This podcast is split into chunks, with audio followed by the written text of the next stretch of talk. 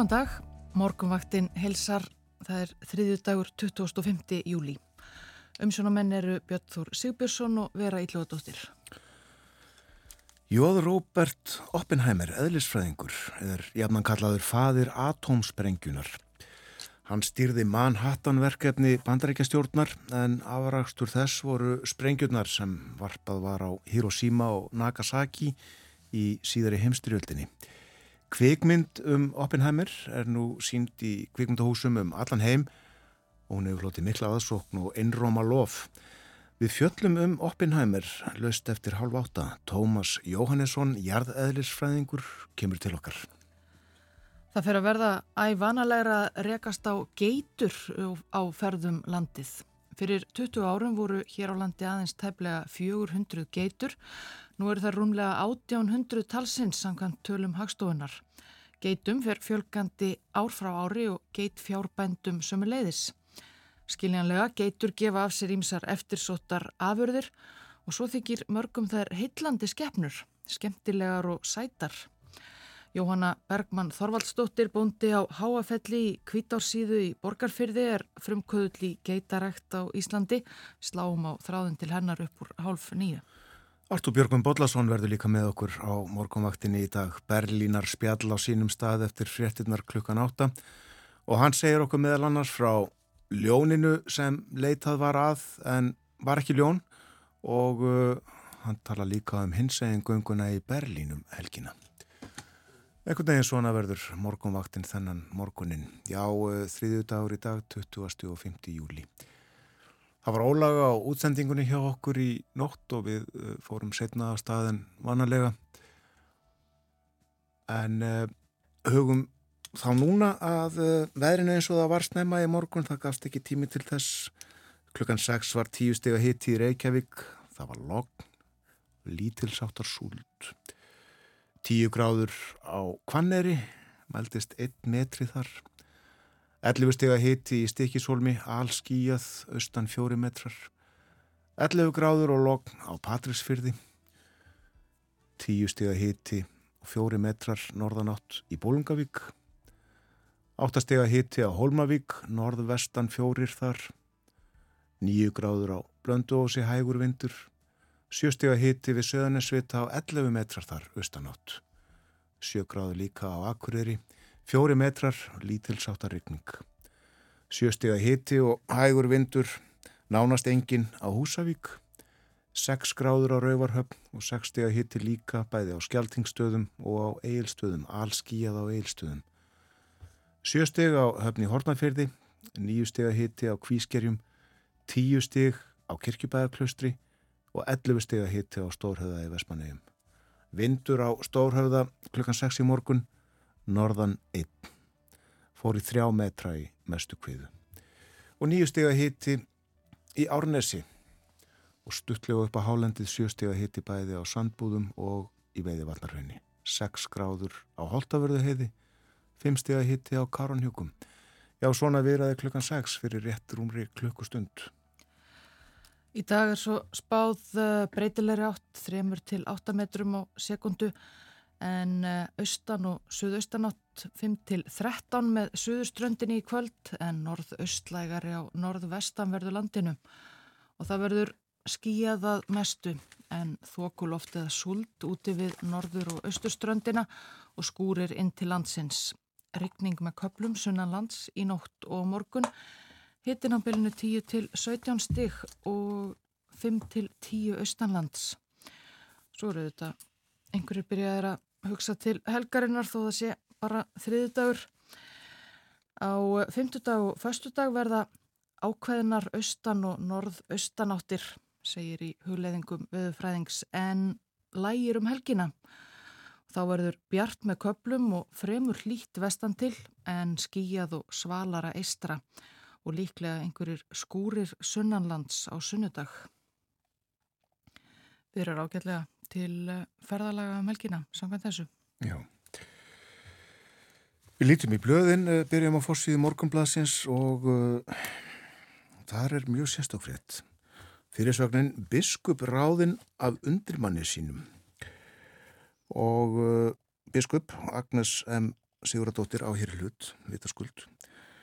En uh, þannig er að hún var fyrst skipuð í ennbætti 2012 til 5 ára og svo var skipunatími hennar framlengdur að þessum 5 árum liðnum þar að segja 2017 í önnur 5 ár og uh, sá skipunatími rann því út í fyrra. Kirkjuþing eða forsætisnefnd kirkjuþings ákvað að framlengja svo skipunatíman eða ráðningatíman eh, eftir því hvað við á um eitt ár þánga til sem sagt fyrsta júli síðasliðin en uh, til er ráðningasamningur sem uh, biskup Sir Agnes og uh, framkvæmdastjóri biskupstofu gerðu og undirrituð og hann var gerður í fyrra til tveggja ára. Þannig að undimaður biskups, frangatastjóri biskupstofu, réði sem sagt biskupin til starfa í tvö ár en eh, ekki þetta eina ár eins og eh, fórsættis nefnd kirkjuþings hafði ákveðið og drífa hjartardóttir fórsætti kirkjuþings eh, ja, hafði ekki hugmyndum þennan samning og kemur eiginlega fjöllum hér í samtali við morgumblæðið og kemur fram hér í fréttinni að það náðist ekki í biskup við vinslu þessar fréttar. Fórsíðu myndin við uh, höfum það fyrir síð að uh, segja frá henni, lýsa henni, hún er uh, tekinn utan af faksaflóanum og hort inn til borgarinnar og á sjónum eru tvö skip, kvalaskoðunabátar, Hafsúlan og Andrea, heilsast við Hafnarminni Reykjavíkur eins og segir hér. Og fyrir aftan má sjá þarna stóra hótelið í, í túnunum Borgartún heitir það líklega ekki kannski Bríetartún. Nálátt höðatorki þarna er líka törnin á sjómanarskólanum, stýrimanarskólanum og rúbrösgerðin svo við nefnum einhver, einhver hús sem að sjást þarna. Og fjalla líka um gósið, raun hefur möguleiki á nýju gósi rættir við Þorvald Þórðarsson profesor í bergfræði og eldfjallafræðin við Háskóla Íslands. Hann segir að orðið hafi vart við skjáltavirkni og aðra jarðvirkni á milli keilis og trölladingju frá því að nú er hendi gós við Littlarhút Hófst. Hann segir að þar hafi sérst svo kallaðir skjáltaskuggar sem láti menn velta fyrir sér hvort kvika sé að sapnast þar fyrir á litlu dýpi og uh, svo er fjallað hér um afkomu útgerðafyrirtækjana í landinu. Hagnaður útgerðafélags Reykjavíkur á síðast ári var mestur af afkomu útgerða sem að morgunblæði tók saman 10,2 miljardar, hafi verið 4 miljardar árið áður. Og uh, Nesfiskur er eina útgerðin sem að skilaði tapja á síðast ári af þeim fyrirtækjum sem að morgunblæði skoðaði. Nesfiskur tapaði 1,3 miljardum en árið á undan hagnaðist félagið um 2,6 miljardar. Svona er uh, fórsíða morgumblaðsins í dag.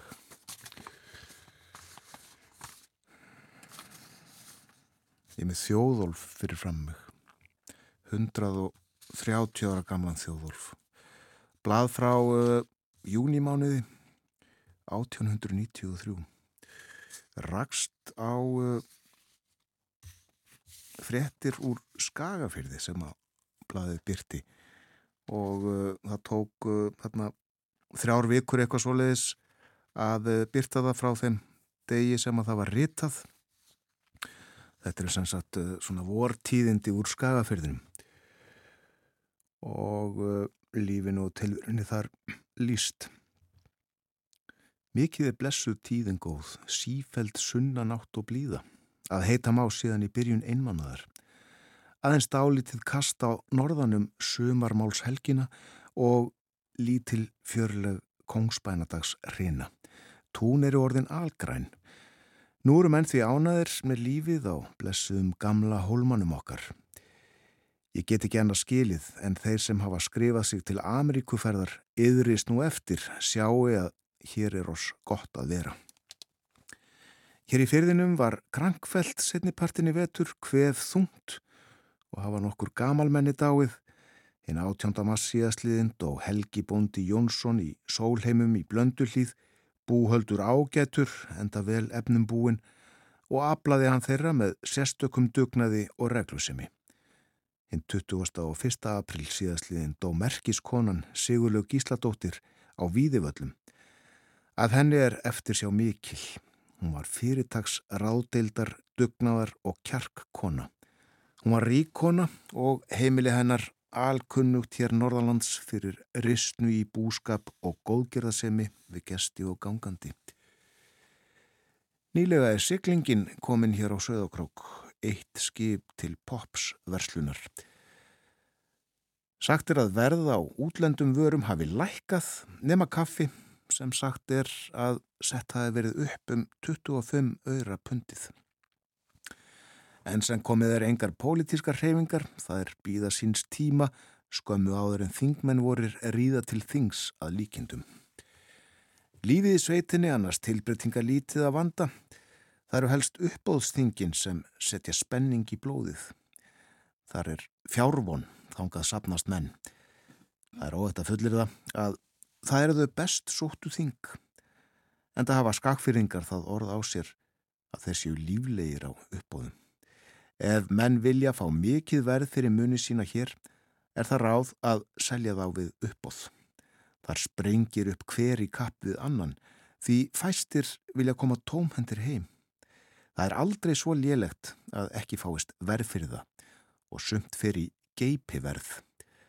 Það er til dæmis dæmi til þess að ær hefur verið seld á uppbóði fyrir 35 krónur og það þegar pundið í kjötinu var selgt fyrir 13 öðra.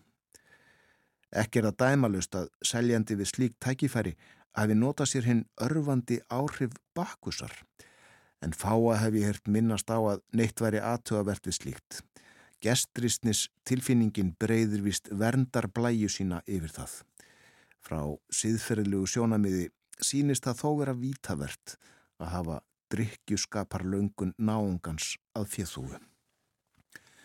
Búnaðarfélagin er nú tekinn til starfa í góðu tíðinni menn riðjaðum koll, þúpna kollunum í túnunum sínum og ræsa fram mýrarnar hjá sér, byggja flóðgarða og svo framvegis. Það er tölvert lífi í öllu þessu þegar Guð gefur okkur góða tíðina. Menn er að vakna við og sjá og skilja hvað mikla þýðingu það hefur að bæta jörðina. Sá hugsunarháttur að leggja peningana á kistubotnin eða í kistil handraðan við kottansinn er að úreldast. Nú viðu kenna flestir bændur að peningar beri mestan arð í túnunum. Í þessu tilliti höfum við skakfyrðingar fengið góða fyrirmynd það sem er Hermann skólastjóri Jónasson á hólum. Hann er áhuga maður og einn af þeim sem að elskar ættjörð okkar, sem hefur brennandi og eigingjarnan áhuga á öllum framfaramálum hennar. Skólabúið á hólum er að allra sögn sem tilþekja orðið fyrirmynd hvað snertir jarðrækt og peningsrækt. Ég óska bara í kyrþau og einfeldni hjartans að Guð gæfi landinu mínu góða sem ég ansó heitt marga slíka sonu. Þetta var bref úr Skagafyrði í mæ sem eh, byrtist í þjóðólfi í byrjun júni 1893. Nátt höfundar fylgir ekki. En e, í þessu riti voru líka frettir úr Suðumólasíslu, bref skeiti skrifað á Fáslúsfyrði í lok april. Ég hef hér yfir upphafið Síðan 20. dag marsmánaðar hefur verið indalasta tíð allt til þessa dags hafa menn sjaldan átt að venjast eins langvarandi og jafnri veður blíðu framann að vori nú farið talsvert að gróa.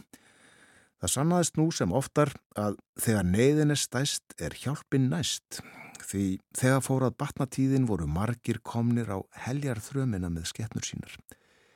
Hér í sveit voru þrýr til fjóri bændur búinir að fækka fjesínu talsvert vegna heilesis. Verði nú vorið þessu líkt verður afkoman hinn besta hér um sveitir. Og svo er það þetta. Það sem mest hefur haldið lífinu í skeppnum manna hér, setnipart vetrar, er það að margir reyndu að alaða á síld. Því áður var hún óþægt sem skeppnufóður. Þetta lukkaðist ágætlega við allar skeppnur svo nú álíta margir að ein síld væn sé eins góð til fóðus sem eitt pund af töðu. Hvort það er alveg rétt álitið læti ósagt en hitt er sannreint að hún er mjög fýtandi. Þeir sem gáðu hana kúpenningi tóku líka eftir því að erfitt var að ná smjöri úr mjölk þeirri ef honum var gefið mjög mikið af henni. Að öru leiti reyndist hún góð fyrir þær skeppnur sem aðrar. Ég get þessa hér vegna þess að það mun vera nýtt að brúka síld til skeppnufóðus. Tíðindi að austan í eh, þjóðólfi 1893.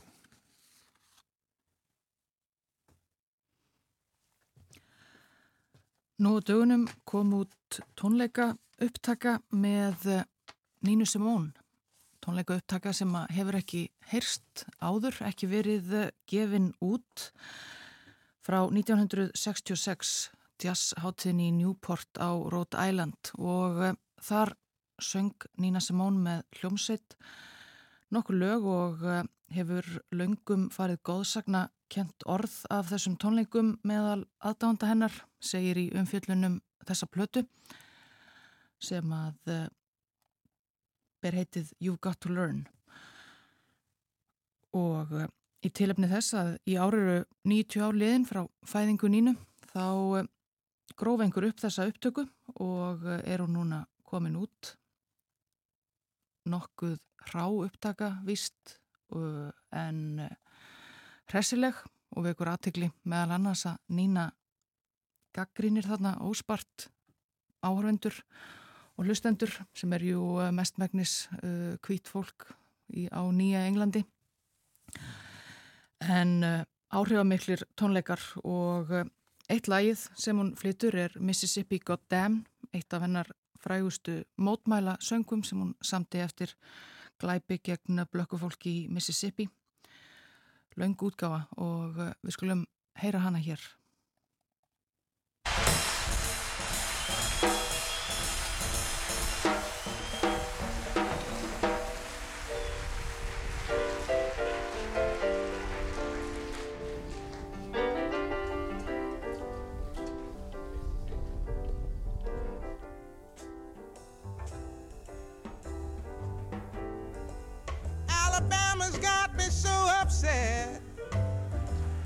Tennessee's made me lose my rest.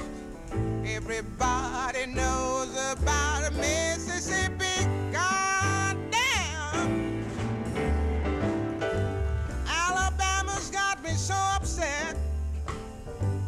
And Watts has made me lose my rest. Everybody knows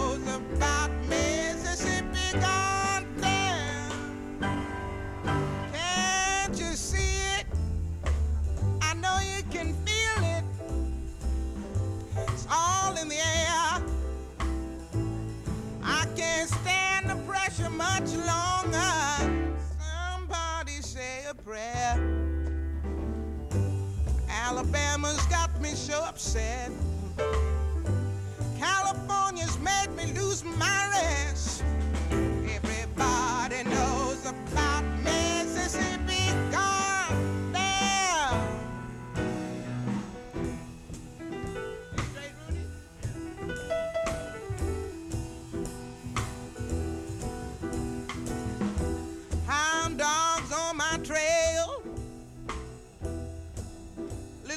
Children sitting in jail. Black cat crossed my path. I think every day is gonna be my last. Yeah. Lord, have mercy on this land of mine. We all gonna get it in due time. I don't belong here, I don't belong there. I've even started believing in prayer. Don't tell me, I'll tell you. Me and my people just about do. I've been there, so I know. You keep on saying go slow. That's what you said now. The trouble. Oh.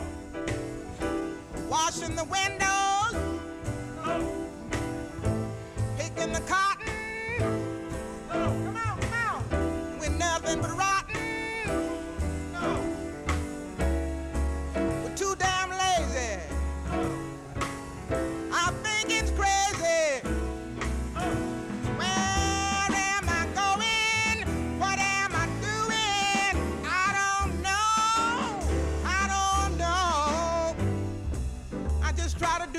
dirty beds.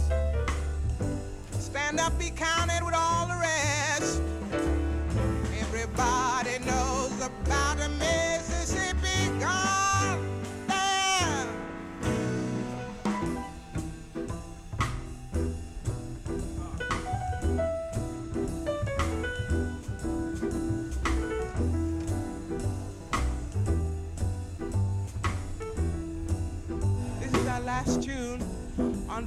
is Robert Hamilton. On guitars, Rudy Stevenson.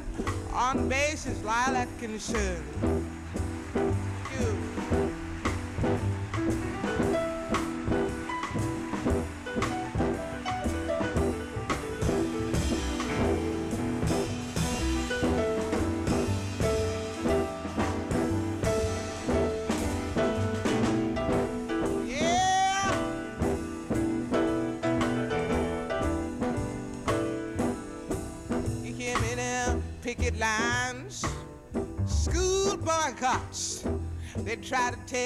It's a communist plot.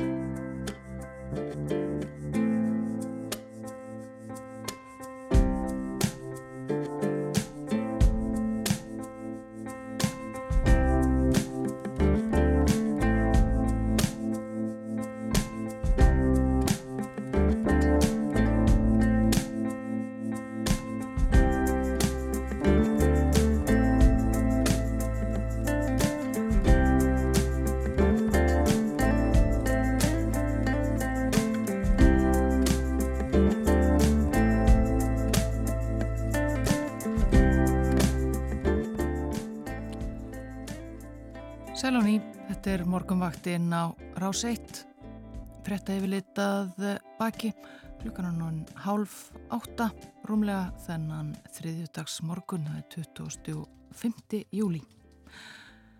Útlitt fyrir hæglætis veður í eh, dag, breytilega átt 3-8 metrar á sekundu, en austan og suðaustan átt 5-13 með suðuströndinni í kvöld en norðaustlægari á norðvestanverðulandinu.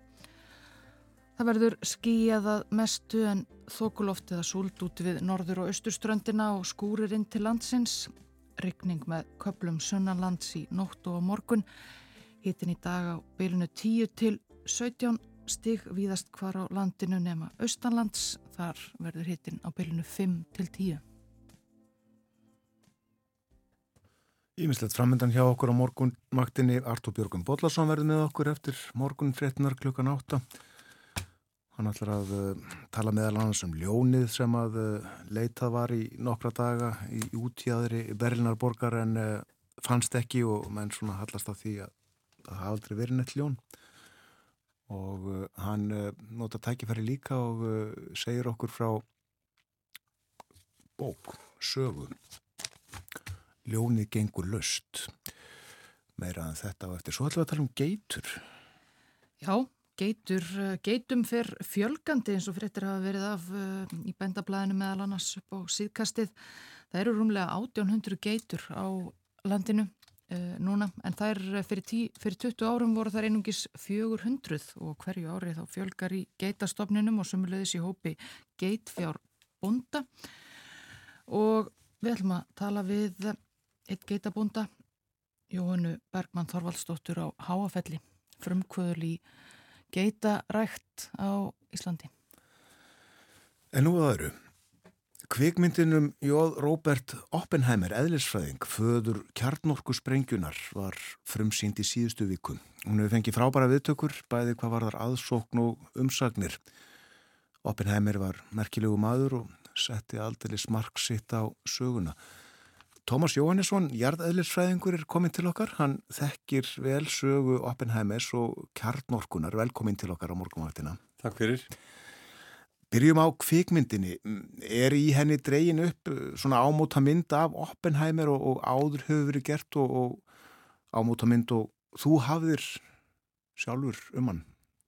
Já, sögulega síndist mér þetta að vera nokkurnu veginn e, rétt allt sem rætt var um vísindi og sínt var af kjartankursbrengju smíðinni sjálfri. Ég hafði reyndar ekki kynnt mér áður þessa persónu sögu sem er ansi merkileg. Þannig að Ímiskonar uh, atriði sambandi við yfirhegstundar þegar hann lendi í upp á kant við bandaríkur stjórnvöld og svo þessi persónu saga hans, fjölskyldu líf og margt fleira.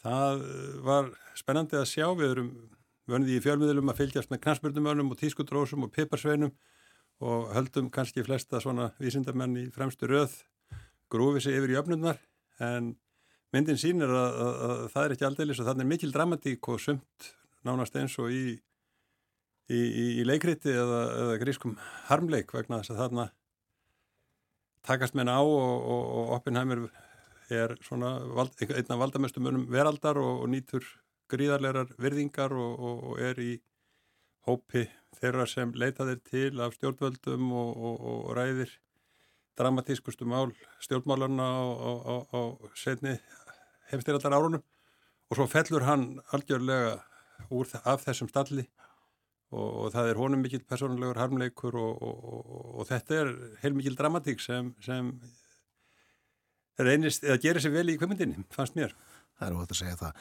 En uh, eðlisfræðin uh, sem kemur fram í myndinni, uh, er hún rétt? Já, já, þetta er í stórun dráttum allt. Þarna var unnið gríðalegt vísendalegt afrökk, þetta er endar geysilega umdelt, menn telja að sprengjan hafi eða, eða þeir sem stóðu fyrir beitingu hennar bjargað mannslífum þegar upp var staðið, það stóð fyrir dyrum að, að knýja Japani til uppgjafar með fullum hernaðarsegri sem enn tölda myndi kosta 100.000 mannslífa uh, bara bandaríkja megin og ég verð miljónir Japana en, en það beita almenna borgara slíku vopni og, og, og leggja svo bara saman það uh, er siðferðislega vafasamt.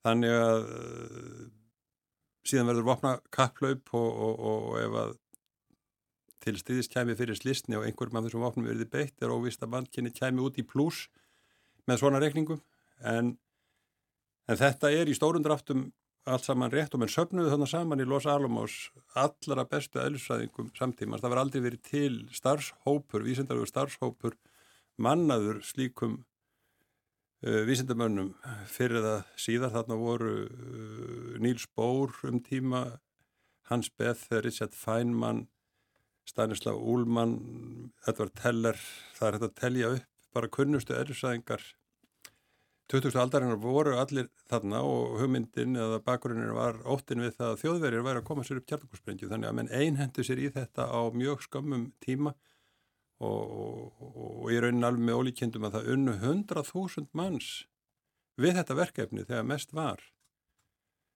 og, og aðstöðinu fyrir alla þessa vinnu var komið upp bara nánast á andartæki á, á, á, í, í miðri eðmörk þar sem ekkert var fyrir Þannig að skipulagslega var þetta mikið afreg og það er eh, meirað að minna sínist mér rétt frá öllu þessu greint. Já, kostaðu þetta ógrinni fjár. Það var ekki spurt um peninga á þessum tíma. Myndir nefnir 2 miljardar dollara sem eru vist 20-30 miljardar dollara eða meira núverði.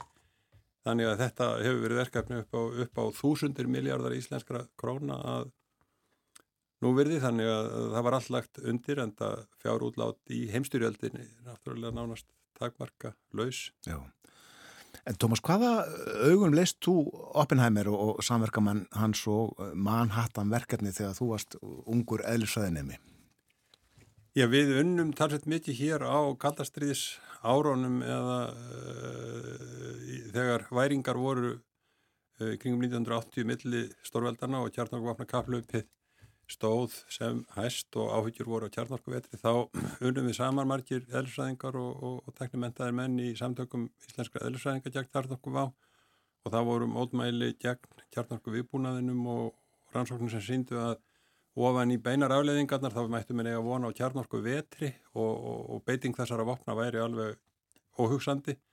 Og það kemur fram í myndinni að eh, nokkrir eðlisræðingarnir sem að þessu unnu töldu að með þessum vopnum hefði orðið algjör vatnaskil og það erði að nást alþjóðlegur politískur skilningur á því og, og, og Níls Bór og Oppenheimer voru endrið þeirra skoðunar að það væri óhjákvæmilegt að, að, að ná slíku samkominlægi og bandarækjuminn mættu ekki hefja opna kapplöp og, og töldu sem sagt að russar hefðu teknilega getu til þess að smíða vopp sem kom svo í ljós. Þeir sprengtu sína fyrstu kjarnokksprengju skömmu eftir setni heimstyrjöldana 49 og bandarækjumenn heldu áfram þrátt fyrir þessi varnaður og sprengdu vettnisprengju 52 og rússar voru í rauninni bísna öflugir af því að þeir sprengdu svo vettnisprengju 53 þannig að þar með hófst þetta kapplaup sem endaði í milli 10 og 20.000 hjartnokkursprengjum hvorum eigin hjartjáltsins sem var einmitt þessi niðurstaða sem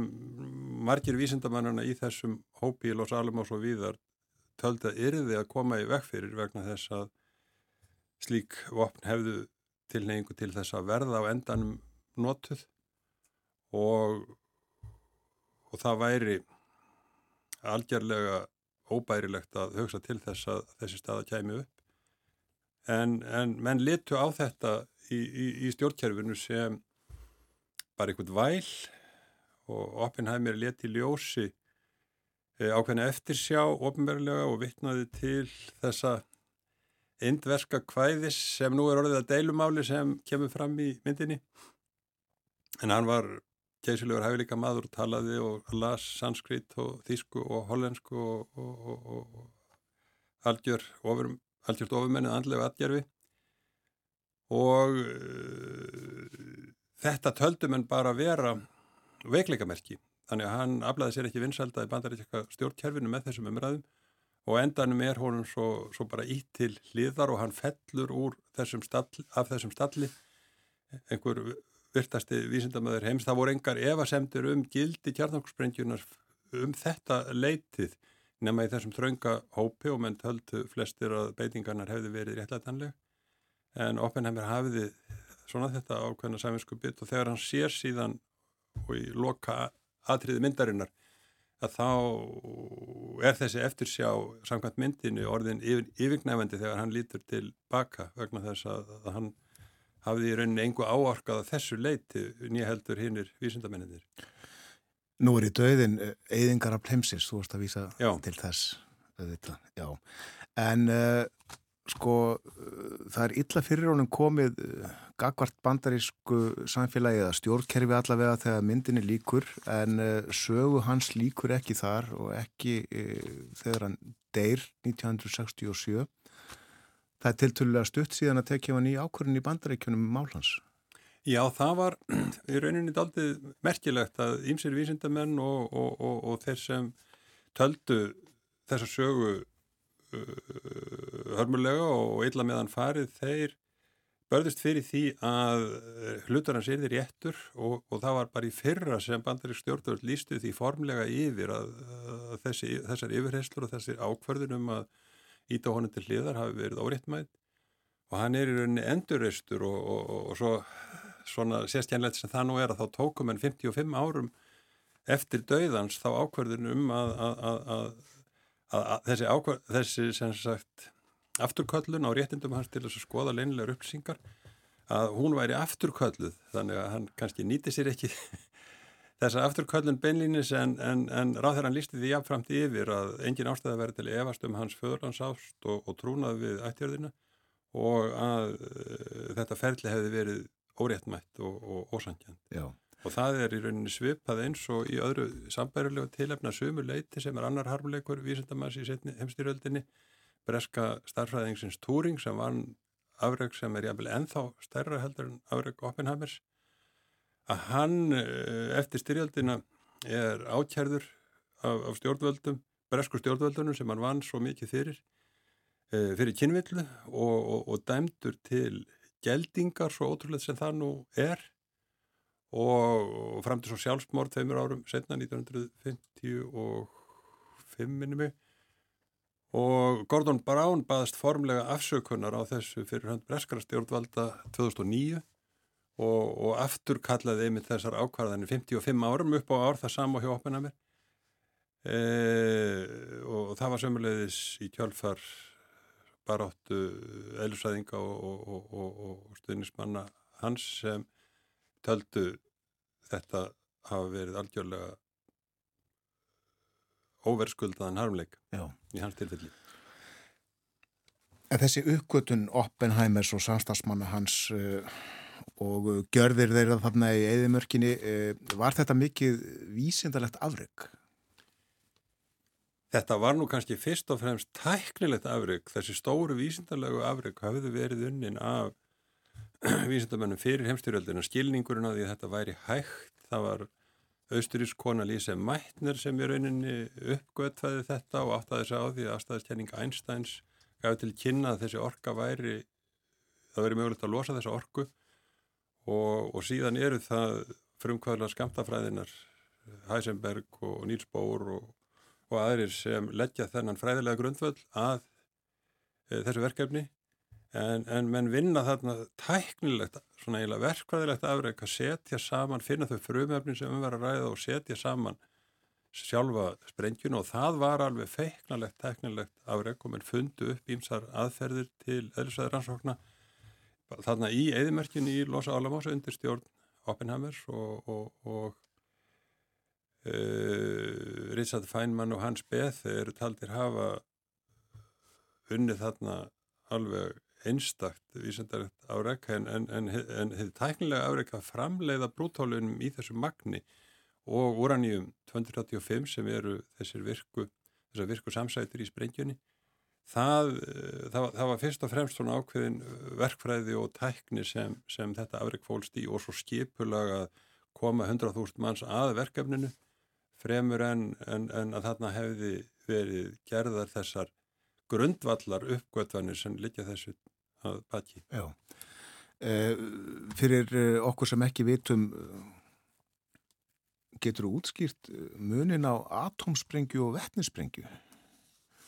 Eh, þess eh, atomsprengja eða samrun eða hérna sundrunarsprengja eins og þarna var búin til í Los Alamos hún felur í sér að plutónium eða úranium eða þungfrumöfni sundrast og það verða til léttari frumöfni orka losnar en vettinsprengjan eða samirunnarsprengjan felur í sér að mjög létt atóm renna saman og mynda þingri atóm og við það losnar líka orka og þessi orka í samrunasprengjun er miklu meiri, tísunum meiri eða þaðan að meiri Þannig að vettnisbrengjan sem Oppenheimer endar taldi að hefði engan tilgang, hann, hann, hann taldi sem sagt og setti sér upp á móti þróun hennar vegna þess að hún væri brjálaði að hans mati. Það væri í rauninu engin skotmörk sem réttlætu notkun slíklar, slí, slíklar sprengju og, og hann fekk sem sagt enga áherð með þessi sjónarmið þó að hann væri stuttur mörgum öðrum vísendamennum í hópnum. Hann hafði þennan mikla metnað að láta til sín taka, vinna svona afreg, e, njóta trúnaðar stjórnvalda og Einstein sagði sem var kannski kjarni þessa personulega harmleiks og kemur endur ekki fram í myndinni að vandi Oppenheimis væri það að hann væri ástfangir af konu sem elskaði hann ekki, það er að segja bandari stjórnvöld og uh, það var svo augljóst í myndinu og kemur svo skýrt fram að, að, að stjórnvöld verða hann í rauninni einskís hann er ákveðið tól og tæki þar velja hann besti eljusæðingurinn til að gegna þessu starfi. En, en, en það má henda honum eins og óðurhetti tusku þegar verkefni er lokið og hann hefur sannarlega ekki áhrif á hvað gert er við þessa þekkingu. Þannig að uh, það er svona uh, undirrót þessa harmleiks að hann hefur þá tilfinningun hann að við unnum mikið afreik og sé einhvers metin en í rauninni er stjórnkerfinu alveg sama um þennan mann hvaða afreg sem hann hefur unnið ef að einhver skoðan ágreiningur verður eða þarf að, að, að ræða málinn þá vilja mann bara hafa sín völd og, og ekki vera að hlusta á neitt væl. Nei. Þú nefnir Einstein, hann, hann er þarna, kemur þarna lítilega við sögu, hann var þarna nærri sín tíma. Hann flúði til bandaríkjana og, og það kemur fram í vindinni þá var það hann náttúrulega að, að yfirgefa sína fórstur í jörð, hann reyndar bjóð í, í mörgum löndum og, og, og hefði e, ríkisborgari rétt í fleirin einu landi. En, en hann var að segja Oppenheimer að hann það væri miskilningur í honum að, leggja svona mikla áherslu á föðurland sem væri búið að hafnónum, hann þurfti að hugsa sér nær og, og leita annara leiða í lífinu heldur en að, að vera valdamaður í bandarækjónum sem ekkert vildu meðan hafa. Nei. Eh, en Oppenheimer var í rauninu mikill uh, föðlandsvinur og, og, og, og vildi sem sagt vera partur af þessum valdarhing og var alveg eðilaður maður, bugaður maður í kjálfar þessar auðmyggingar sem þarna átti sér stað þegar, þegar yfirherslunar og ásakanirnar um föðurlandsvik Eh, byrtustónum með þessum hætti. Kjarnorkur sprengjurna voru notað 1945, bandrækjumenn vörpuðu þeim eh, á Japan. Það er bara núna eh, sem uppbyður miklar áhugjur af því hvort að mögulega verði gripið til kjarnorkuvopna þar að segja í tengslu við einrás rúsaðin í Ukrænu. Þú fylgist með því vantarlega? Já, styrjaldar átök eru svo harkalega að þegar um er að ræða sigur eða ósigur í stríði þá er tilnefingin til þess að nota þau op sem eru tiltæk mikil og við þurfum að hafa það í huga að við höfum sloppið nömlega 62 uh, bjargaði uh, sovjaskur undurmaður í kafbáti heiminum frá kjarnarkostyrjöld með því að halda rósinni og, og, og, og ákveða að skjóta ekki þó að í rauninni væri búið að gefa gó á það að, að láta vaða.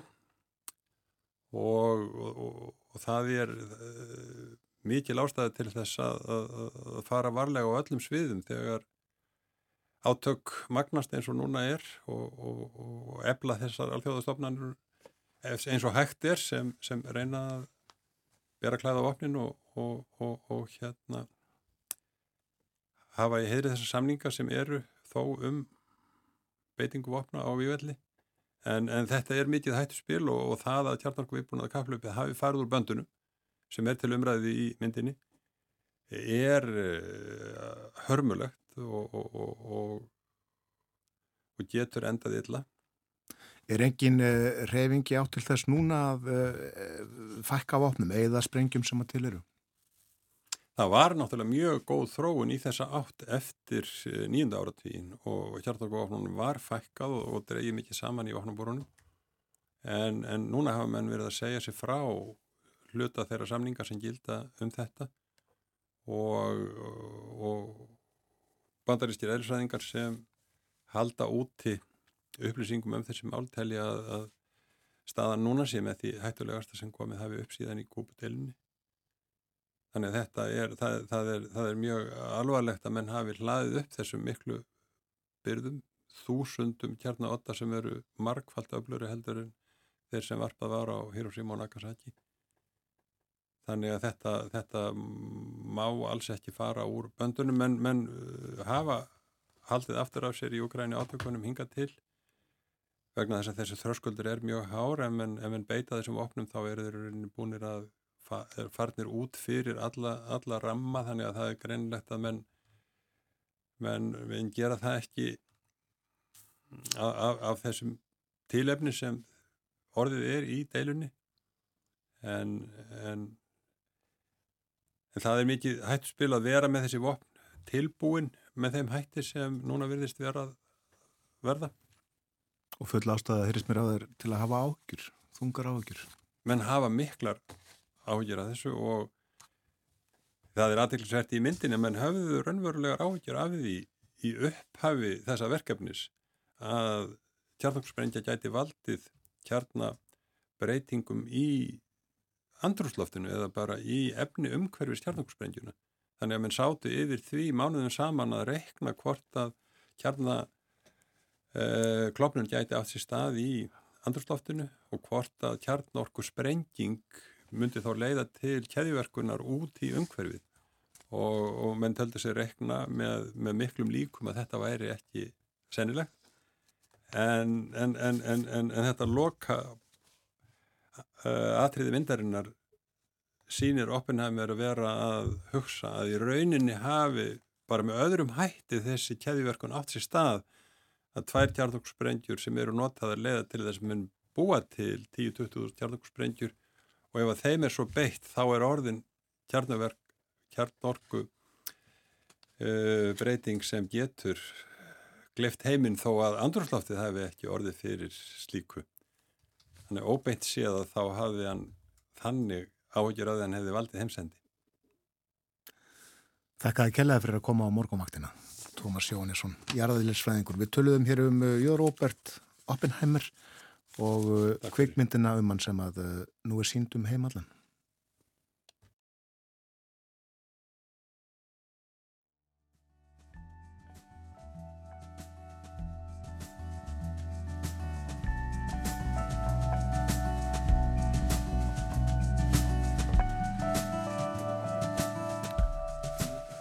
Klukkan er alveg að verða átta, vantar rétt rúmar fjórar mínútur.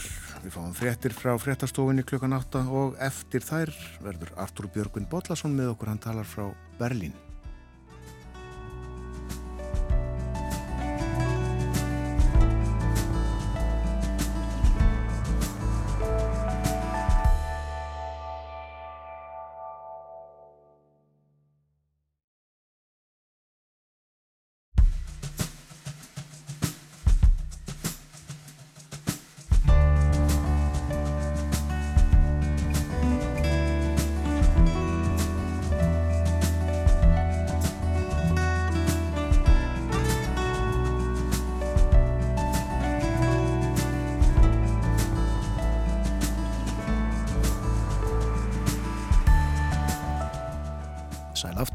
Þetta er morgunvaktin á rás 1, klukkan farin að ganga nýju.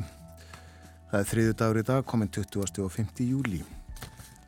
Eftir sletta viku heilsar ágústmánuður. Hér á eftir ætlum við að tala um geitur. Við ætlum að slá á þráðan upp í Borgafjörð. Já, við ætlum að heyra í uh, geitfjörbúnda, Jóhannu Bergmann Þorvaldsdóttur forveitnast um þessi dýr geitur og já, uppgangi geitarækt sem að verið hefur á Íslandi síðustu ár. Geitum hefur uh, fjölga mikið á síðustu árum. Eru núna rúmlega 1800 talsins geitur hér á landi. En nú erum við komin í samband við Artúr Björgun Bollarsson í Berlín og uh, annað dýr, önnur tegund kemur við sögu í Berlínarspjalli þennan morgun. Góðan dag Artúr Björgun. Góðan daginn. Er ekki, svo við byrjum nú á, á uh, verinu, er ekki bara sveipa viður í Þísku höfuborginni og þeirri íslensku uh, svona þokkalega hlýtt og skíðað? Jú, og hér endar skalla á mjög stutt óveður í gær, hreinsaði svolítið loftið en það er alveg príðir þegar það hangir alltaf í svona 25 gráðum hérna sem er alveg, sem er fínasta sumarveður sem hættir að hugsa sér á meginlandinu. Já, já aðeins hlýra hjá þér heldur en okkur greinilega. Það er lítið sennilega. Já. En já, ég nefndi dýr. Já, og það er ekki ástæðilösu því að það var jú mikið líf í törskonum hér í síðustu viku þegar að þau tíðundi bárust eins, eins og sinu eldurum Berlínar borgað í bænum Klein Magnóf fyrir sunnan Berlín hefði sérst ljón á sveimi. Og fyrst voru þessar frétti nú mjög óljósar en smám saman tóku það svo að fyrir skýraði mynd og fólk fylgdi, fylgdist mjög högt ofa með þessu öllu saman og, og það var þannig að íbúi bænum sem, þekktur, sem mun vera þekktur fyrir heiðarleika á sannsögli hann hafði séð stóra skeppnu á sveimi náða tjálstæði fyrir utan bæin sem að líktist ljóni að hans sögn og það fylgdi sögni að ljóni hefði verið að höttanum eftir æti.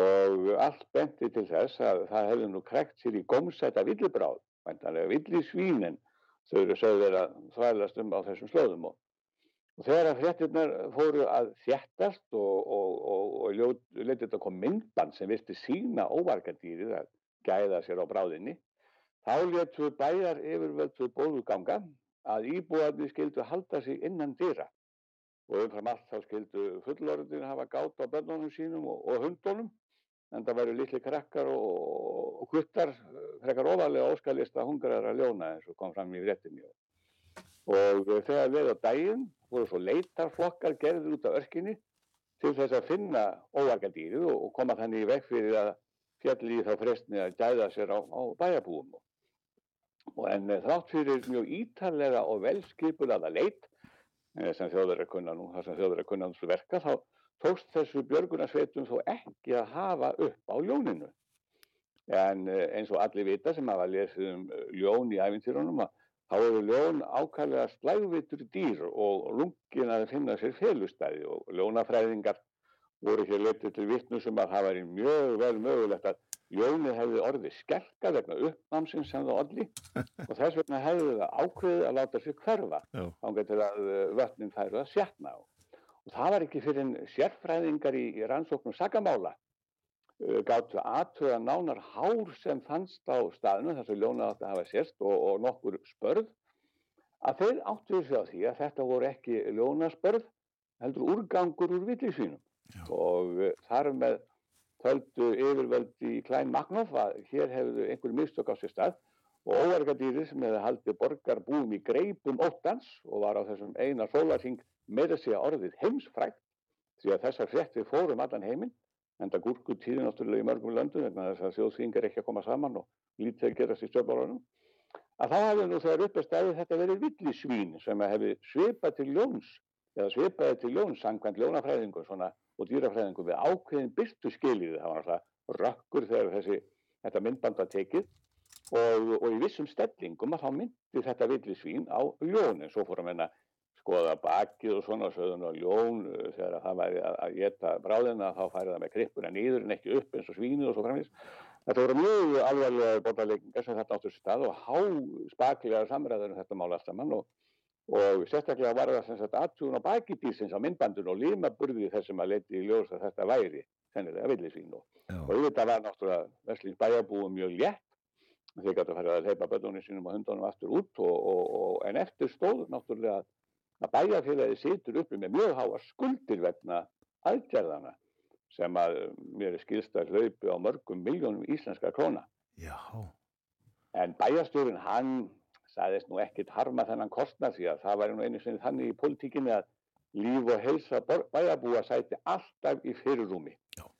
og um, þetta var mjög, mjög aðtöklusett og mjög mikil spennu trillis og ekki sem er að sagt og helt alveg sko ekki bara bælinabúum okkur hér sem erum í velin heldur líka háður í hensbyðinni bara í greipum óttans og, og spennunnar meðan þetta allt saman gerðist. Við fylgdust auðvitað með þessu hér en við þetta allt saman þá uh, rifjaðist upp hundra ára komul saga? Jú, það það er rétt og það voru lenda sko bara, það voru lenda fleiri hendil dýrafræðingar og ljónafræðingar og æfintjörafræðingar sem er blöndur sér í þetta óvennulega ljónamál og bókmyndafræðingar rifjuðu upp eins og þú nefnir svo skaldið að, að skaldið Kurt Tucholsky sem var uppi á árunum 1890 til 1935 og var einn róttakasti og stílfimasti samfélagsrýmið þjóðverði á tímu Væmar lífveldisins Hann, Kurt Tucholsky, hafði árið 1920 byrkt meinfindna smásögu í dagblæðinu Berlína Tageblatt þar sem hann uh, skotaðist að því að að Jón hefði sloppið út í Írakari í Berlín og sett allt á annan endan í borginni. Og uh, þetta er afskaplega skemmtileg saga og ég fór nú að glukka í hana eftir að þetta kom í ljós að hann hefði fyrir hann og ég reyndar hefur nú sjálfur einhvern tíman í Kanada að þýtt eitthvað smáðis þetta er Kurt Tucholsky, hann er ákaflega skemmtilegur höfundur og nöturlegur háfugl og hann var geðingur og, og flúði undan nazistum eins og svo ótalmækir erir og, en sem sagt í þessari sögu að þá lætur Túkólski eftir mikið uppnámi í borginni ljónið þreytast á kjánaskap og óþarvar hæðslu borgarbúa og gerst bara upp og lætur leiða sig aftur inn í búri sitt.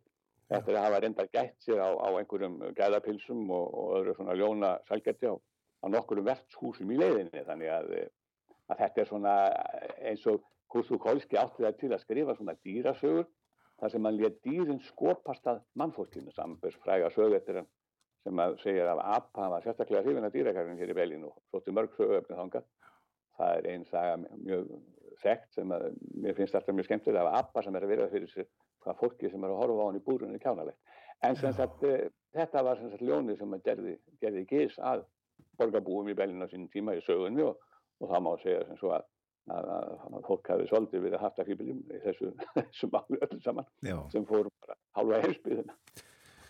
Ljóni gengulust, dýri gengulust held ég að lægi með Ríó tríóna hafi heitið Gunnar Þórðars Sandi Jónas Freyri gerði textan. Um. Eh, þá að öðru, það var mikil hátíð í Berlínum helgina þeir eh, kalla, kalla hana Kristoffer Street Day er það ekki, þetta er hins egin hátíð. Jú, Gay Pride. er mitt gríðarlegu fjöldi sem tók þátt í baráttu kungu samkinn heðra, Kristoffer Street Day sem að fór fram hérna í Berlínu veikinu og eftir því sem að næstverðu komist þá voru rúmlega 500.000 um hálf miljón manns á gödunum þegar mest var. Og það er nú ekki lítil fjöldi og þetta var mikið sjónarspil en það margir þáttakendur í bísna skröðlegum og ytteríkum búningum. Og þó að það ríkti vissulega svona almenn kæti í rauðum göngu manna og hvenna þá var þetta nú öðrum sæði mótmælaganga sem að átt að vekja eins og þessar göngur ekki ræðtikli á þessi staðrind að þrátt fyrir að, að félagslegar aðstæður samkynn er afinn og batna til muna hér í Þýskarlandi síðustu árin að þá er því mjög rennlangt frá því að allir séu sáttur við að, að þeir eða, eða þau njóti sömu réttindi og fólk með aðra kynn neyðir og Bellin er nú að vísu almennt talin mjög frjálslind borg.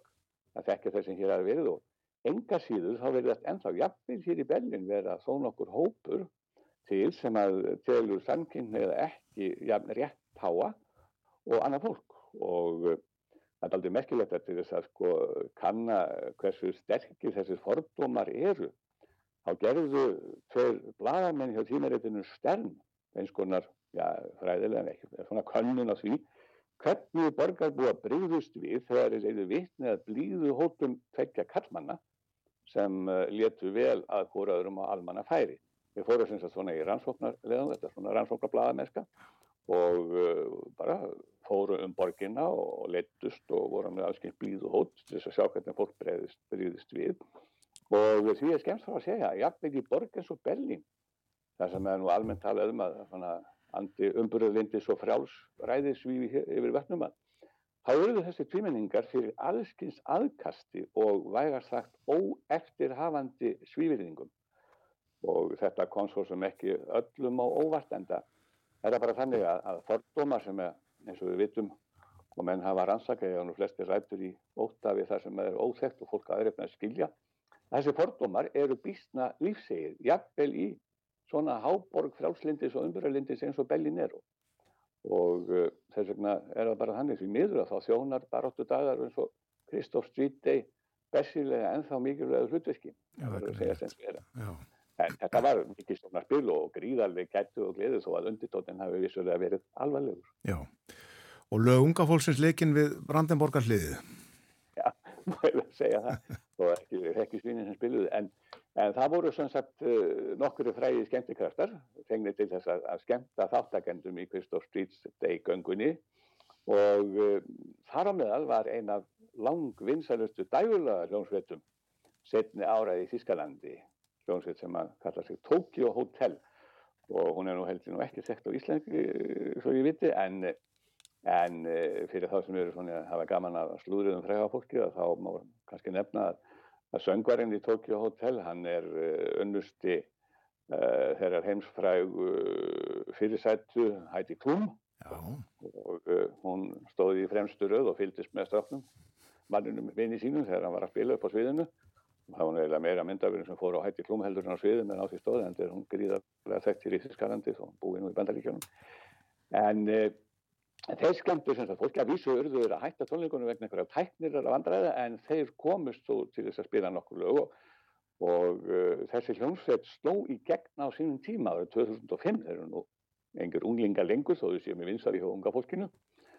Þá slóður í gegn með smell, miklum smell, smelli sem að gerði þá fræga og fóru víða og uh, fyrir 20 árum og hérna Ja, það er kannski eftirlega bara að heyra þennan smelli í lokin svona, eða hlustundur ásar eitt að heyra dústinn monsúm eða gegnum monsúnvindin með Tokyo Hoteli.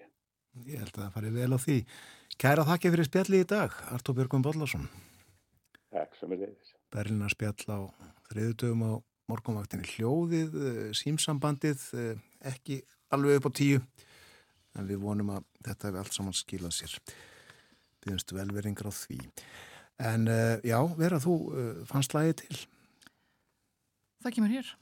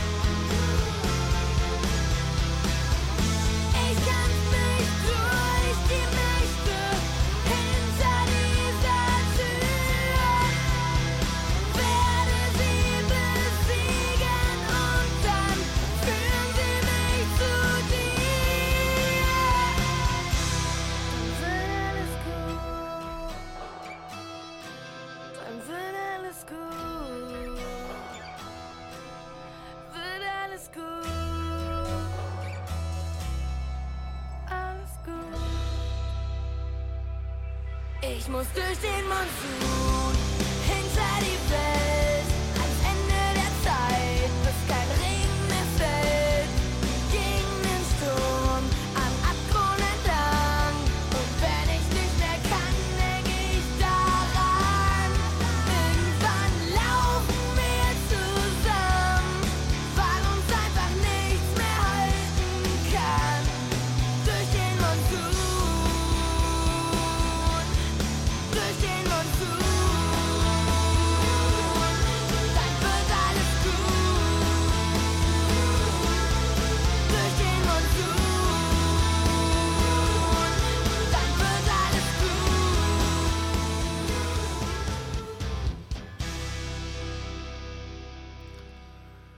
Kraftur í þessu lægi sem að Artur Björgvin Bodlason valdi fyrir okkur að leika í dag eftir Berlinarspjallið. Tokyo Hotel heitir hljónsveitin og uh, lægið á íslensku í gegnum Monsunvindin. En já, uh, Artur Björgvin fór yfir leitina ljóninu þarna í útjáðri Berlinaborgar sem við töluðum aðeins um í síðustu viku og örlítiði gær líka. Hann var þekktur fyrir heiðarleik og sannsögli maðurinn sem fyrst vakti aðtikla á því að ljón væri þarna á kreiki. Og uh, honum auðvitað trúað og uh, leitarflokkar sendir á stað og rætt við alls konar sérfræðinga. En uh, niðurstaðan eftir greiningu á hárum sem að fundust og spörðum, nei, þetta var ekki ljón, heldur uh, villisvín. Klukkunum vantar nú sjö mínútur, eða vantar, uh, hún á eftir sjö mínútur í að verða hálf nýju, uh, klauvalega sagt frá þessu, en uh, stittist sem sagt í fréttaeflitið sem að kemur á slæðinu hálf nýju, eftir það ætlum við að fjalla um geitur eins og við höfum sagt frá hér áður, ringjum upp í Borgafjörð og spjöllum við geitabónda. Og það verður síðasta atriðið efnið á dagskrá morgunvaktarinnar í dag sem er uh, öðrum þræði fótbolta þáttur meðan á hinsmestara móti hvenna í fótbolta stendur það er leikið Ástralíu og Nýja Sjálandi Já, og tímasetningarnar uh, henda okkur afskaplega vel.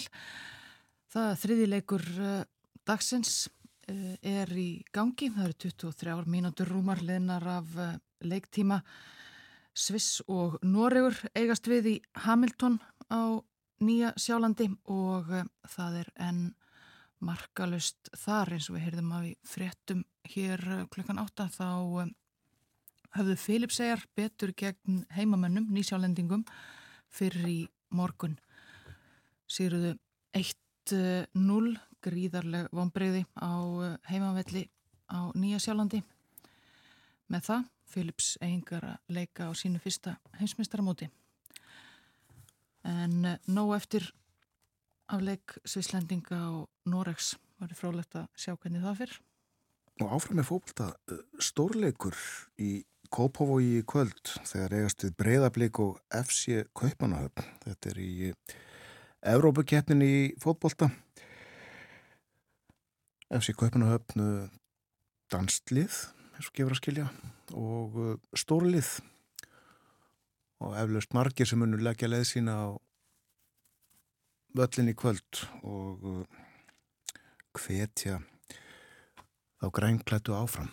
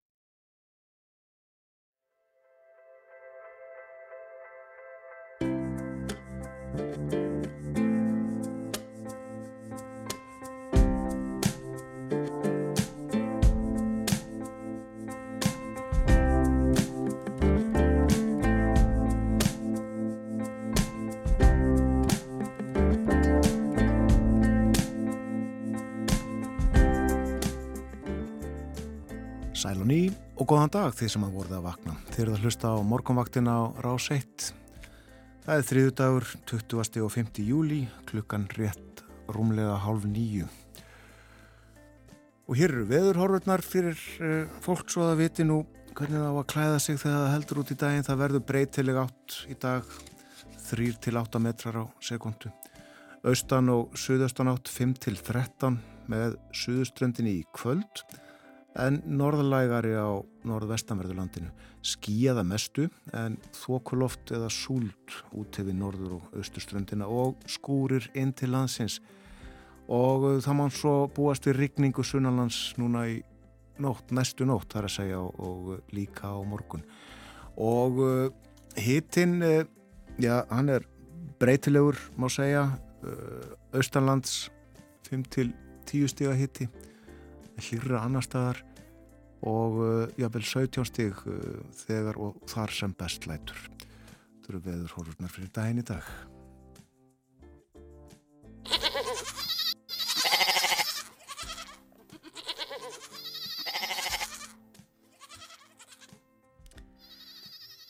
Það eru geitur sem að hér heyrast jarma.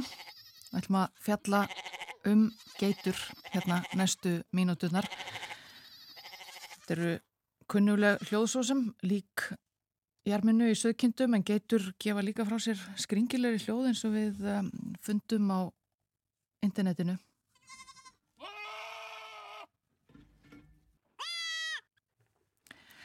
En við erum með á línunni geita bonda og ætlum að ræða um þessi, þessi skemmtilegu dýr. Það er Jóhanna Bergmann Þorvaldsdóttir bondi á Háafelli í Borgarbygg. Kondur sæl, Jóhanna. Blessuðu sæl. Svo sæl. Ætlum við verðum ekki að byrja á því úr því við vorum að fara hér yfir veðurhorfurnar að spyrja til veðurs í Borgarbygg. Hér er bara blæja logn og sé, allir stuði hitt eitthvað svolítið. Það er bara að blíða þessa stundina. Já svipað viður líklega á, á stórum hluta landsins en uh, við rákum augun í uh, frétt í bændablaðinu um fjölgun milli ára í, í geitastofninum fjöldi, fjöldi geita fyrr vaksandi ár frá ári segir þar, nú, nú eru skráðar 1886 geitur í landinu, það er 8% fjölgun milli ára en þetta er nú ekkert samt kannski mikið, fjöldi með að við, með við söðfí á, á landinu? Nei, þetta er þeir vantar tölust upp og ennþá er komist á álista um útrýminga þetta. Já, e, þær eru það? Já, já, já. Það þarf lágmarkminn með 3500 til 5000 kvendir til það komist á álista. Svo er það samt áfram í útrýminga hættu eftir það upp í minni með 7000 kvendir eða eitthvað. Ég náða ekki alveg nákvæmlega. Þannig við erum langt í landi, þetta eru tölur yfir, yfir bæði kvendir og kaltir og geldinga og allt saman. Já, já, en talaðan það í, í fréttinni og, og, og tölur sína, þeim fer þó, uh, fer þó fjölgandi. Uh, hvað, hvað skýrir þessa fjölgun? Er það bara öllult starf geitabúnda? Ég þetta er náttúrulega, það segja margir það sem ég er að kenna þér fá delluna, en, en það er náttúrulega sko 62-3 eru millir 60-70 dýr í landinu. Þegar við, ég fæ mína fyrstu geitur fyrir 34 árum, þá eru um 300 geitur og 40 eigandur. En svo hefur þetta sem potast svona aðeins inn í landana, þetta er ekki eins og pappi minn saði, aðlæti dýr sem skemmast og þar yfir allt eru óætt og geðvand og illa lyktandi. Það er svona ég held að það er mýtur hafið læknast en uh, fólk er bara átt að segja að þetta eru afriðir af þessum dýrum er einstaklega hotlar og góðar og til þess að bjarga ykkur um geitastofni eða viðhalda geitastofni eða dýrastofni þá þannig að nýta afriðir og þegar ég byrja að bjóða fólk í kjöt og það var bara að horta á mig og geitakjöt, er þetta allt? Borðar þetta? Er ekki geitabræða þessu? Auðvitað geitabræða geitakjöti en geitabræði er ekki samúr lyktin af gröðum geithafri þannig að hérna svona mýtur hafa verið að þurkast út og núna er önnum ekki eftirspurn og þurfum að vesla við aðra geita bændur og að fá kjöt til að eiga afurðis þetta er alltaf réttir við Þú þarf sjálf ge að gera það? Það eru búin allar, er núna búin allar pulsur og patti og allt það þannig við höfum verið að vesla við búin að vesla núna eitthvað 40 skrokka til þess að geta verið fyllt í hillurnar aftur. Já, maður þekki kannski helst uh, geita ost af uh, geita afurðum en það er ímislegt að gera við geita kjött. Já, já, svo náttúrulega eru ost, geita ostur og geita ostur bara ekkert að sama því að við náttúrulega hugsaum oft um þetta sterkar geitabræði eða sterkar svona ullabræð sem að mörgum finnst að geita ostum en sumum finnst mjög gott öðrum finnst alveg ógeðslegt. Og sko ostarnir íslensku eru svo allt öðruvísi að því að þetta er eina landi í heiminu sem geitur eru að læra að aðlægast að geta gras. Þetta eru lauvætur, þetta er skildast átýrum gaselum. Og við höfum að geta náttúrulega börk og lauf og alls konar sterkan gróður.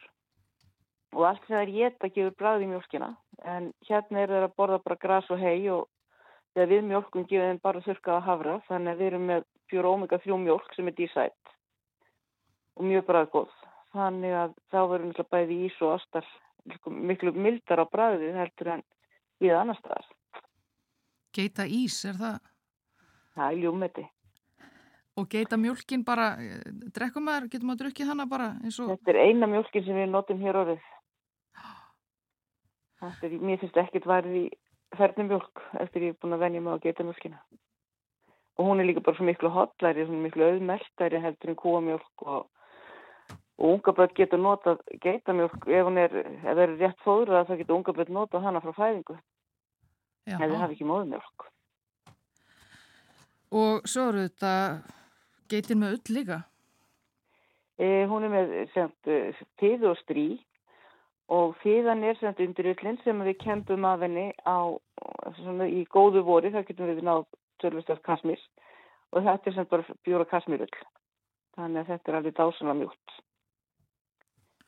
Ég er svo heppin að það er komin einn ein, ein spunaverksmiða sem getur tekið geitabandið líka og hann er sem ekki lengur að senda til Noregs. Nei, það var, það var stundað. Já. En þú ert, já, nefndir hérna að einhverju sem að kenna þér um uppgang geitarinnar á síðust árum. Þú hefur unnið hérna, mikið starf í já, þáu geitarinnar og í geitarækt.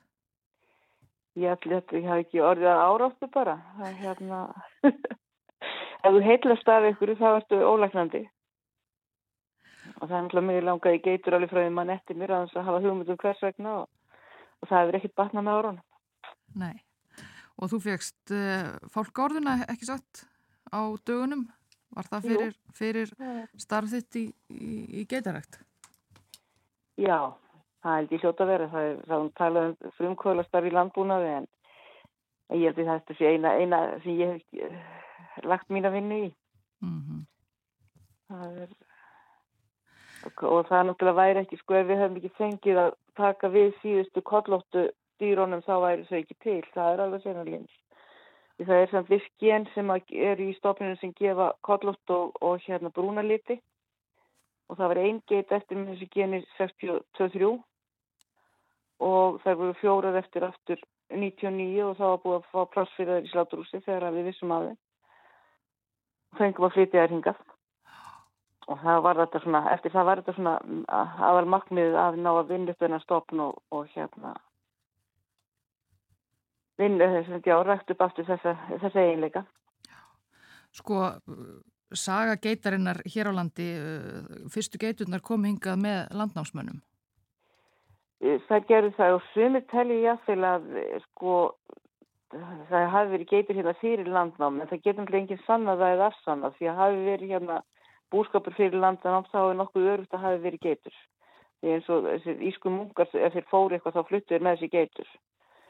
En það er náttúrulega eitthvað sem við fáum aldrei sönnun á nema þeir finna eitthvað í nýju hellum sem eru að grafa upp, sko. Það er, það er spennandi.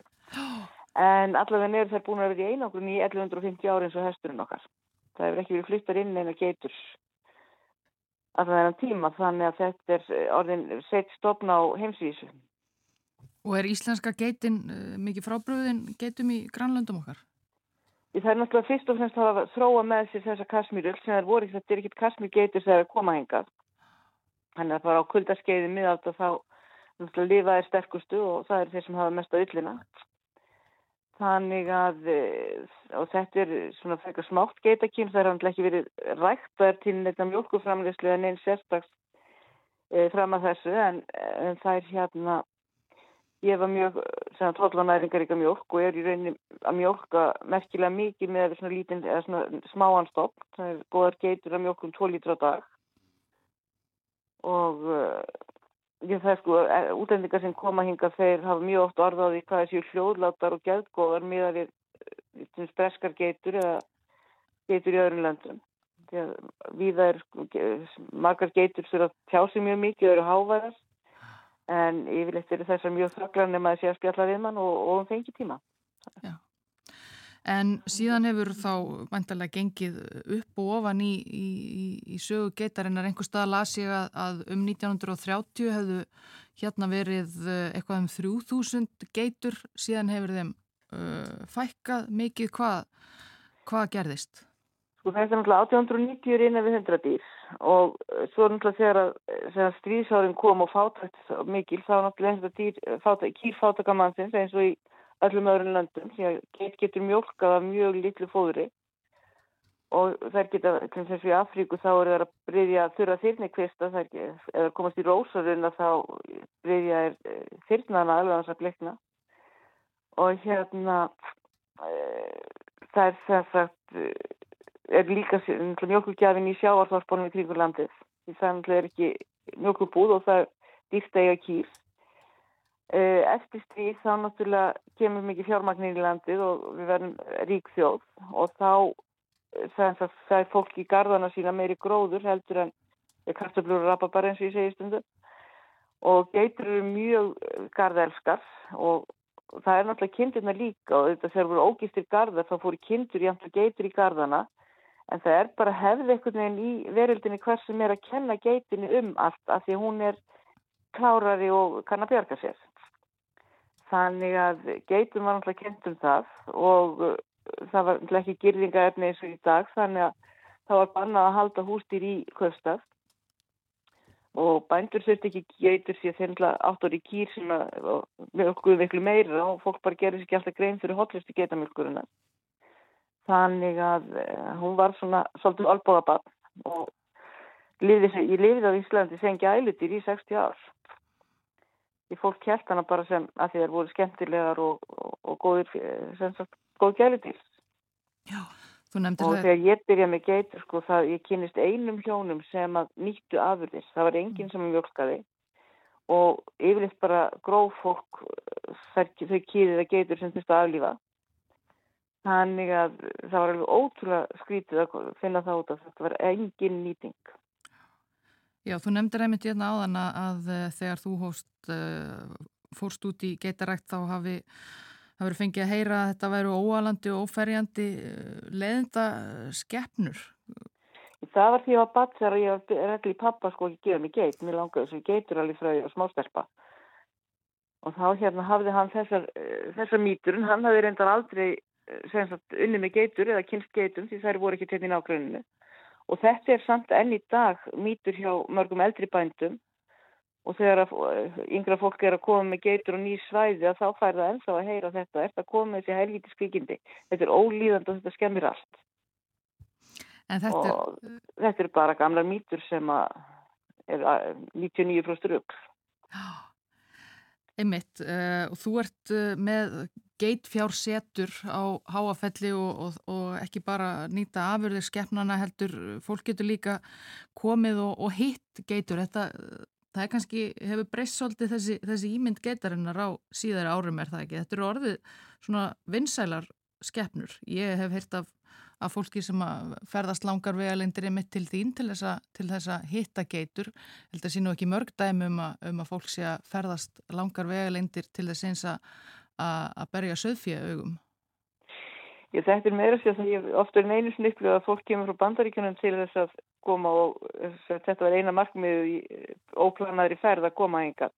En það voru kannski Game of Thrones aðdáðandur líka sko því að þegar þetta er svona gengur erfiðast hérna sko þá það gekk bröðsjulega fyrstu árina því það glemtist svo stuðningur sem að ráðuneyti var búið að lofa þegar kom svo sun og alls konar vesinn og hérna þá voru 20 geitunum okkar myndaður í Game of Thrones og brendar að dregum og það hérna harðir aðdáðandur geta ennþá séð einn, það er einn lífandi gammal geldingur sem var brendur á dregum og hann er mjög vinsall. Sjónvastjarnar. En já, já, hann er sjónvastjarnar. Og hann veit alveg, hann pósar sumardaga og svo nennir hann ekki að tala við fólk sumardaga. En þetta er náttúrulega var eina leiðin sko því að fyrir hverjum 12-13 árum sko þegar við erum komin með til sletta geitum og þá er alltaf að koma fólk heim og spurja hvort það megi kíkja á geiturnar eða lefa börnunum að klappa geitum og við urðum náttúrulega annarkot bara að læsa hliðinu eða gera eitthvað með þetta. Og það var náttúrulega rosalega mikil þörf á að kynna geitina fyrir fólki almennt því að uh, sko stórlít íslendinga hafi ekki hugmyndum að vera til íslenska geitur. Og hvað þá hvað kollótt geit væri og eitt og annað svona þannig að, að hérna við heldum okkur út í þetta að taka móti fólki og sko heldum þá alltaf fyrstu árin þá var alltaf bara flutt viss svona fróðleiksræða um geiturnar og og reynda að kynna þér aðmjölega og, og hérna núna erum við þá meira komin með skilti því maður fylgir ekki hundra manns á dag sko til að segja um söguna. Og hérna sko fólk bráðmær yfir litur leið og að kynni skeitunum því þetta eru bara eins og sko blílindur hundar flestar þeirra og kýðin ef þú tekur kýling í fangið þegar hann er eh, lítill að þá hérna kúrur hann bara fyrir að sofa í fangina þér. Og er vinurinn það sem eftir er. Þær geta lært nöfnin sín, ef maður er mikið að vinna með þeim þá geta þær lært að gegna nafni, þær, þær geta heilsað og dansað og, og læra að kissa og alls konar kunstir sem það getur kent geitum sem er svona erfiðar að kenna kindum. En ég er reynda mikla virðingu fyrir kindunum því ég ólst upp í, kindajötunni sko. En þetta er mjög ólíka skemmur. Já, og greinilega eh, skemmtilegar. Ég þú þarf bara að koma í heimsó. Ég er nú grunum að samstarfsfólkið það er eitthvað komið til mín en, en hérna, þú ert örgulega ekki búin að kíkja. Nei, því miður ekki. En... Og svo náttúrulega erum við sko með garð hérna líka og erum búin að afsanna þessa kenningu sko að, að það sé ekki hægt að hafa rosarekt og, og geitur saman sko því að yfirleitt er nú hægt að gera það úti. Þannig að það er ýmsar mýtur afsannaðar hérna. Emið það. Og eh, já, hvað ber dagurinn í skauti sér hjá geitfjárbúnda í dag? Það ég byrji ekki á að búa til andliskrem sem ég ger úr geitatólkinni. Það voru bara fjóra krukkur eftir í hillinni gæðis og svo er bara að krytta ostinn. Það er, við komum eigður í ostategundunum hérna því að sko osturinn er gerður ennþá inn á efstu menn við kryttum hann sjálf og ég rekta þær kryttjustir sín á hann og við kryttum ostin mikið með blómum og slíku sem ég rekti í gardinu. Þannig að það er svona gjör ólíkt þeim saladostum sem við fáum út í búð og svo býst ég við að þau fara og týna eitthvað á justum líka og, og svo bara leysa af svona í mat í afgjörslinni og taka mótið fólki. Og geitunar eru þær farnar á stjá? Já, já, það er yfirlega leiktími hérna á mótnarna sko, þá er mikið fjör, við erum með svona, svona leikvallin úti sem tengda svona minn hefur byggt upp og erum með svona fullt bakki bílum og ímislegt hérna í túninu fyrir börn og geitur að leika við. Og þetta er yfirleitt tekin hér alveg sirpa á mótnana að klifra og leika. Og svo sko þær eru, eru mjög reglusamar því það er svo er sko uh, matatími á viss, vissum tímum svo er kvildartími og þá er bara líkja þær allar hér og þar. Þá er við að gestur bara gjör og setjast hjá þeim þar sem þær eru og svo sagt, eins og bara hérna upp í fjalli hópurinn sem er þar, þannig að stæðstir fjöldin er bara upp í hlýðinni hérna frá hann og bara á vissum tímum þá kemur halarófan alveg kannski 70-100 geitur í halarófu alltaf, alltaf einföld röð á þann beitast að þau er alltaf fara á í það skiptið. Og svo komar í hlaupandi tilbaka tveim tímur setna þannig að þetta er alltaf einföld röð þannig að þetta er miklu reglu, reglu personuleikar Einmitt það Geitur, margt af þeim að segja uh, þakkaði kellaði fyrir spjallið Jóhanna Bergmann Þorvaldsdóttir búndi á Háafelli í Borgarbyggð. Takk fyrir mig.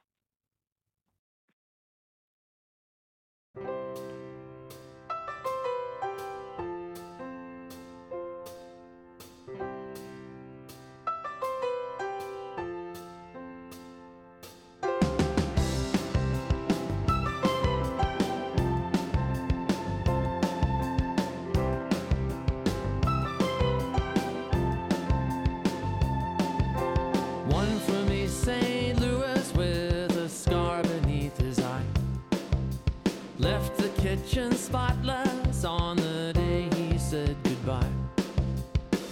Breakaway Republic dude, supremely filthy mouth.